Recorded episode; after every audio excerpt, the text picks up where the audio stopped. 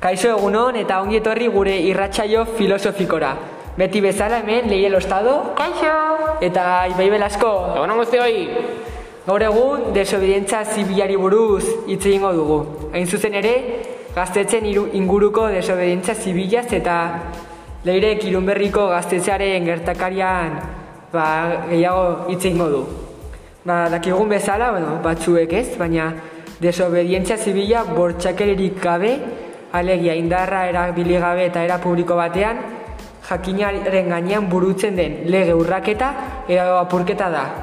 Haren helburua e, lege aldaketa edo gobernu politikita, politika eta erabakiak adiraztea da. Aipagarria da Henry David Thoreau, Amerikar pentsalariak, ba, desobe, de, desobedientzia zibilaren oinarria oinarri teorikoak bere liburuan azaldu zituela eta lehenengoa izan zen. Ba, desobedientzia zibilaren adibide batzuk dira insumizioa, edo Nafarroko ituitzeko urtegi, urtegiko gertariak, bertakaerak. Bueno, ba, azkenik entzule maitiek, behin desobedientzia zibila zer den azalduta, gure kide Ibai Belaskorekin utziko dizuet. Gaztetzen desobedientzia zibilaren inguru hitz egingo dizuena. Aupai!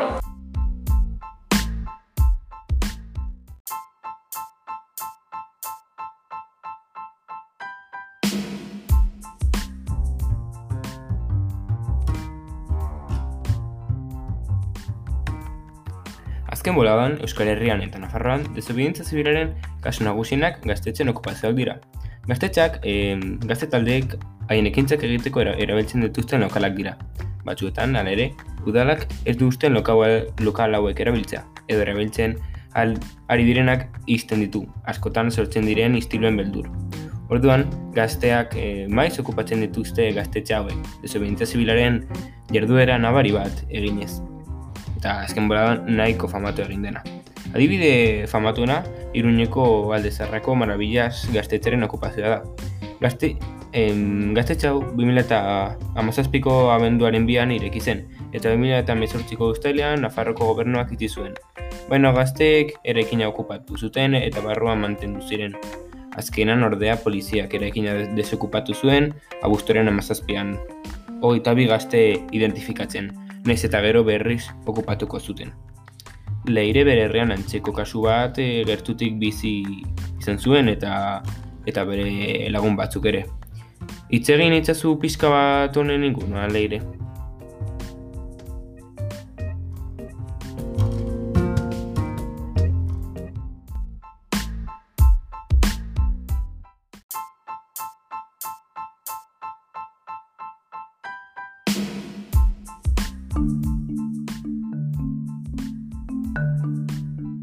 Ni leire naiz, lehen oierrik esan duen bezala.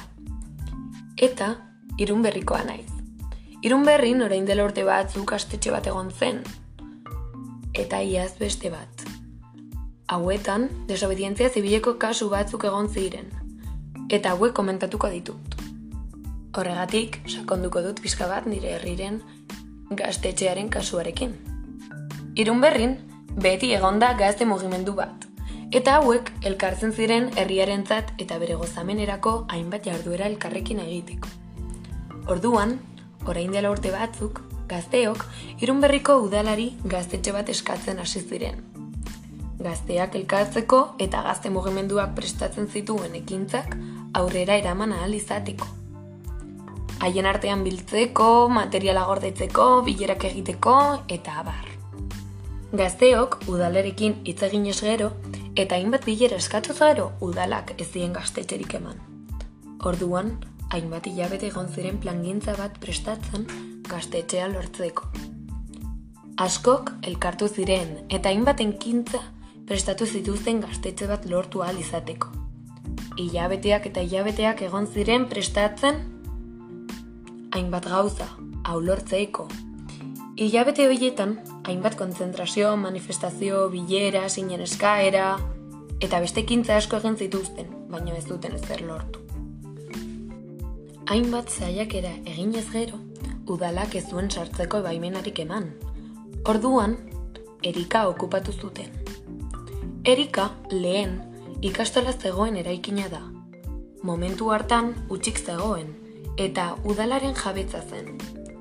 La lekua asko txukundu zuten, eta hainbat ekintza ezberdin antolatzen zituztenan. Ilabete batzuk egon ziren barruan, baina berehala debekatu zieten sartzea. Goiz batean, jendea ikasten edo lan egiten zegoenean, udalakoek atea itxe egin zuten. Hainbat arresi jarri eta kate eta giltzarrapoekin itxi zituzten ateak eta leioak. Orduan, irunberriko gazteek, gaztetxetik, gaztetxerik gabe geratu ziren. Baina oraindik saiatu ziren udalarekin hitz egiten, ez errez lortu gabe. Urte asko paz ziren, eta ez zuten gaztetxea berreskuratu. Naiz eta udalari eskatu. Baina, 2019an hori aldatu zen. Irunberriko gazteak gaztetxea lortu egin zuten, baina ez udalak baimena zielako, baizik eta okupatu egin zutelako. Orain, irunberriko gazte bati egin diodan elkarrizketa bat jarriko dut, eta iazko gaztetxearen lorpenaz hitz egingo digu.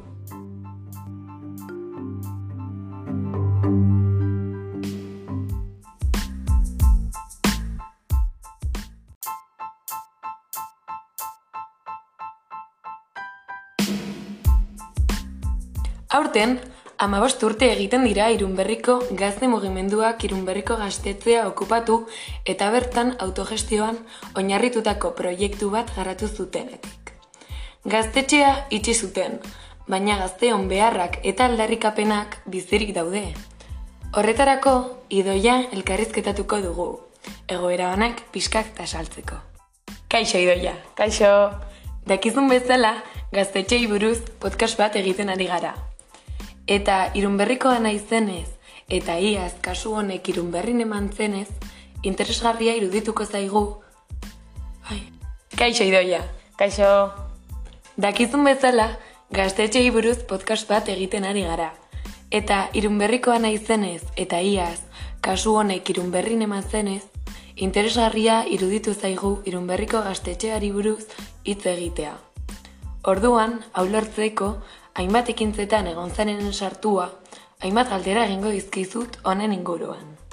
Azteko, nola hasi zen gaztetxe honen naia? Zein izan zen kausa edo zergatia gazteek elkartu egin zinetela gaztetxe bat eskatzeko?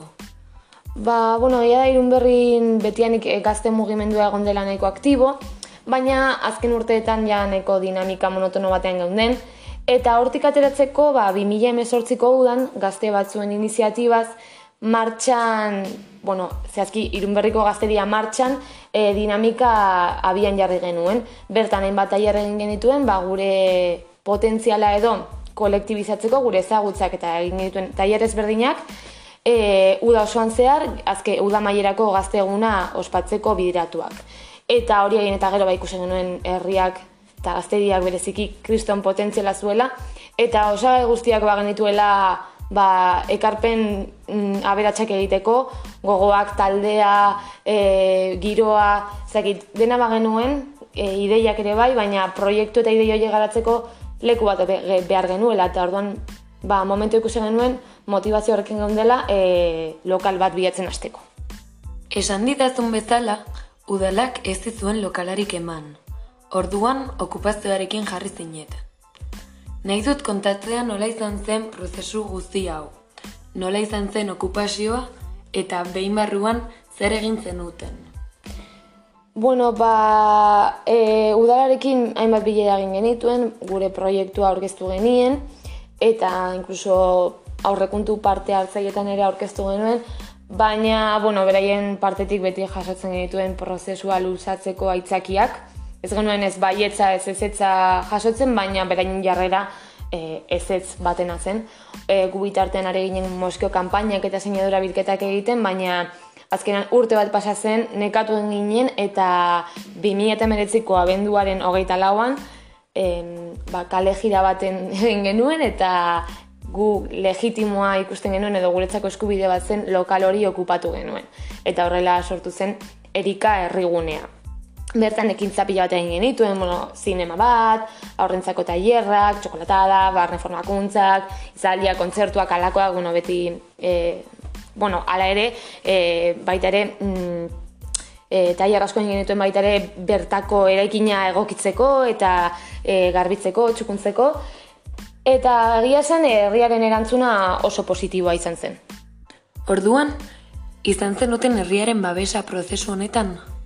Bai, bai, bueno, betianik esan dugu e, babestu gaituen jendea, gure proiektua garatzeko laguntza eman digutenak, baina bereziki e, hasi ginenean gaztetxearen edo gure lokalaren bilaketa prozesu horretan e, bereziki implikatu zen jendea izan genuen, e, herriaren parte handi bat gure alde zegoen, bai okupatu aurretik egin genutuen moskeo kanpaina eta sinadura bilketa guztietan, baita behin okupatuta ere, egin genituen jarduera guztian parte hartze jarduera guztietan barkatu parte hartze pila bat izan genuen, baita gero ere, e, handik bota gintuztenean. Nola izan zen gaztetxetik bota zintuzte dela?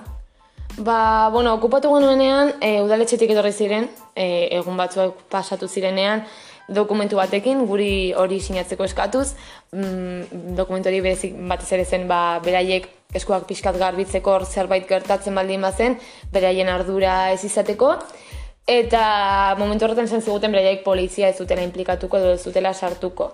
Baina hori egia zen zen, baina mm, okupatu eta hilabete batera, abizate gabe eta gu jakin gabe, atea tapiatu zuten, Eta horrekin ba, gure ametsa edo, gure gaztetxea edo lokala gure erikarri gunea lortzeko aukera horrekin batera eta apiatu egin zuten gure lokala. Ados, eta behin gaztetxea itxi zutela, gazteok eratu zineten isilik edo zerbait egin zenuten? Ba, e, logikoki mm, borrokan jarritu genuen, eta egin genuen ekintzarik esan edo manifestazio bat izan zen, nahiko potentea izan zena, ze e, jende pila bat etorri zen, espero genuela baina askoz ere gehiago horrek pila bat unkitu gintuen, e, bai herriko jendea, bai beste herrietako jendea, beste gaztetxetako jendea, eta hori guretzako oso garrantzitsua izan zen. Oso ongi. Orain, urte bat pasa dela, zer pentsatzen duzu gertatu zenaz? Uste duzu noiz baiten irun berrin, gazteok izango duzuela gaztetxe bat? Alduzu gazteak beste gaztetxe bat izateko naia edo gogoak? Zein helburuarekin?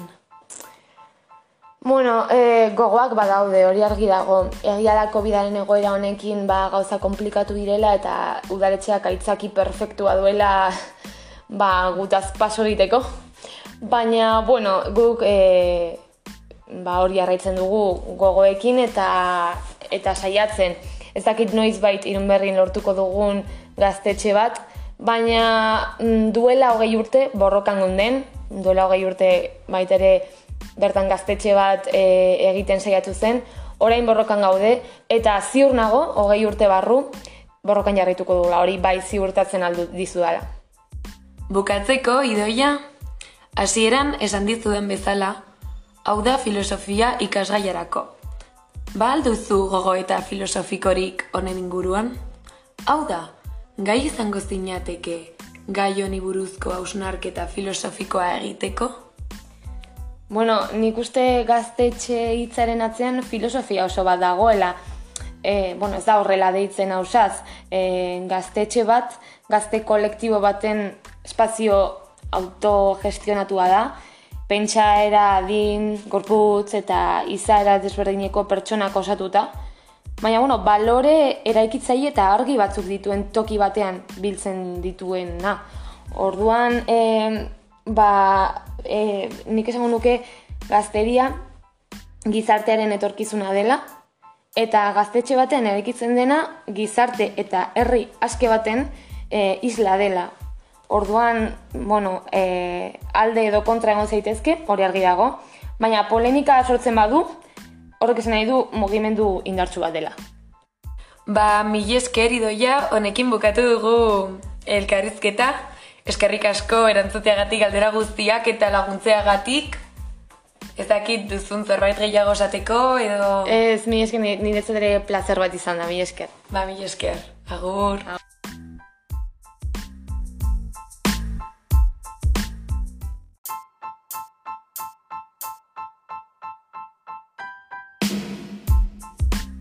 Beno, eta orain hiruak gaudela, zer uste duzu ez zuek edo zein da zuen iritzia honen aurrean? Adibidez, zu Ibai, zein da zure iritzia? Bueno, ba, ni honen inguruan, ba, egia esan da nahiko gai komplikatua da, baina nire ustez, e, norbera nahi badu, ba, gaztetxe, gaztetxe batean egon, eta bueno, e, egotea azkenean, pues, e, ondo dago, eta uste dut ez dagoela mm, e, motiborik e, hori ba, izteko edo desokupatzeko azkenean, no?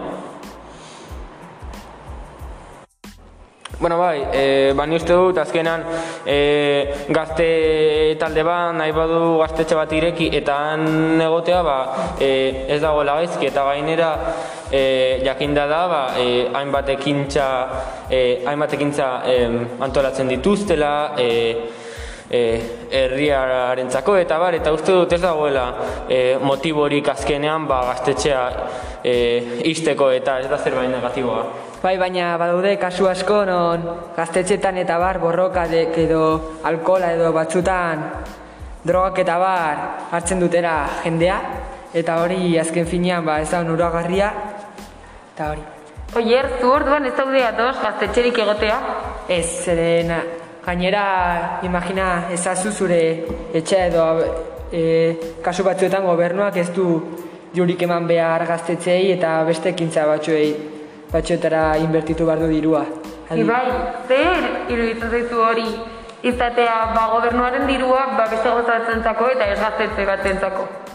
Bueno, azkenean, ba, diru publikoa gauza eh, askotarako eh, erabiltzen da eta ba, gobernua eh, ados jartzen bada zerbait eh, zerbaiten inbertitzearen, ba, bueno, eh, gaztetxak azkenean ez dira zerbait txarra, bai.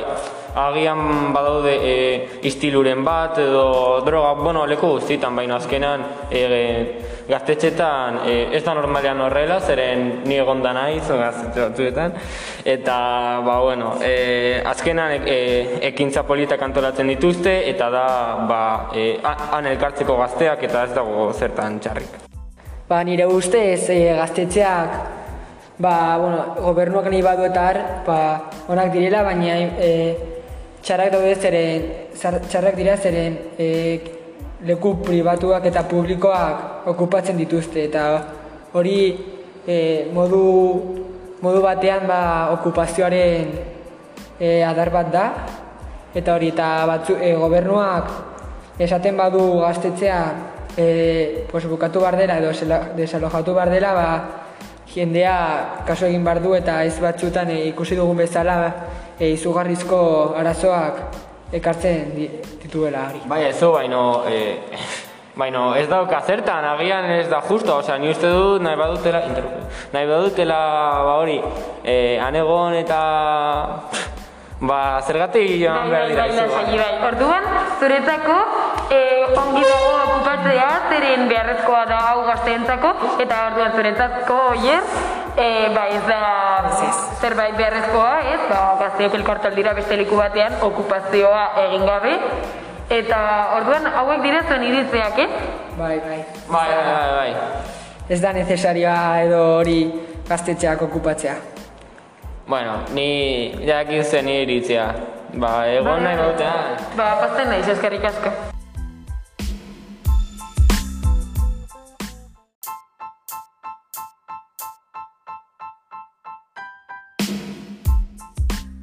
Bueno, ja e, irratsaioaren amaiera ailegatu gara eta ikusi duzuten bezala hainbat iritzi ezberdin daude desobedientzia zibilaren aldetik eta gehien bat gaztetxeko e, gertakariekin. Eta bueno, orain zuen iri- iritzia jakin nahi dugu eta espero dugu e, email bat bidaltzea, hain zuzen ere irrati saioa filosofikoa arroba gmail.com eta bihar zuen erantzunak eta zuen iritzia entzungo dugu hemen denon artean. Agur bero bat. Agur! Agur, espero dugu gustoko izatea gure irratsaioa eta ikusiko gara beste irratsaio batean. Agur!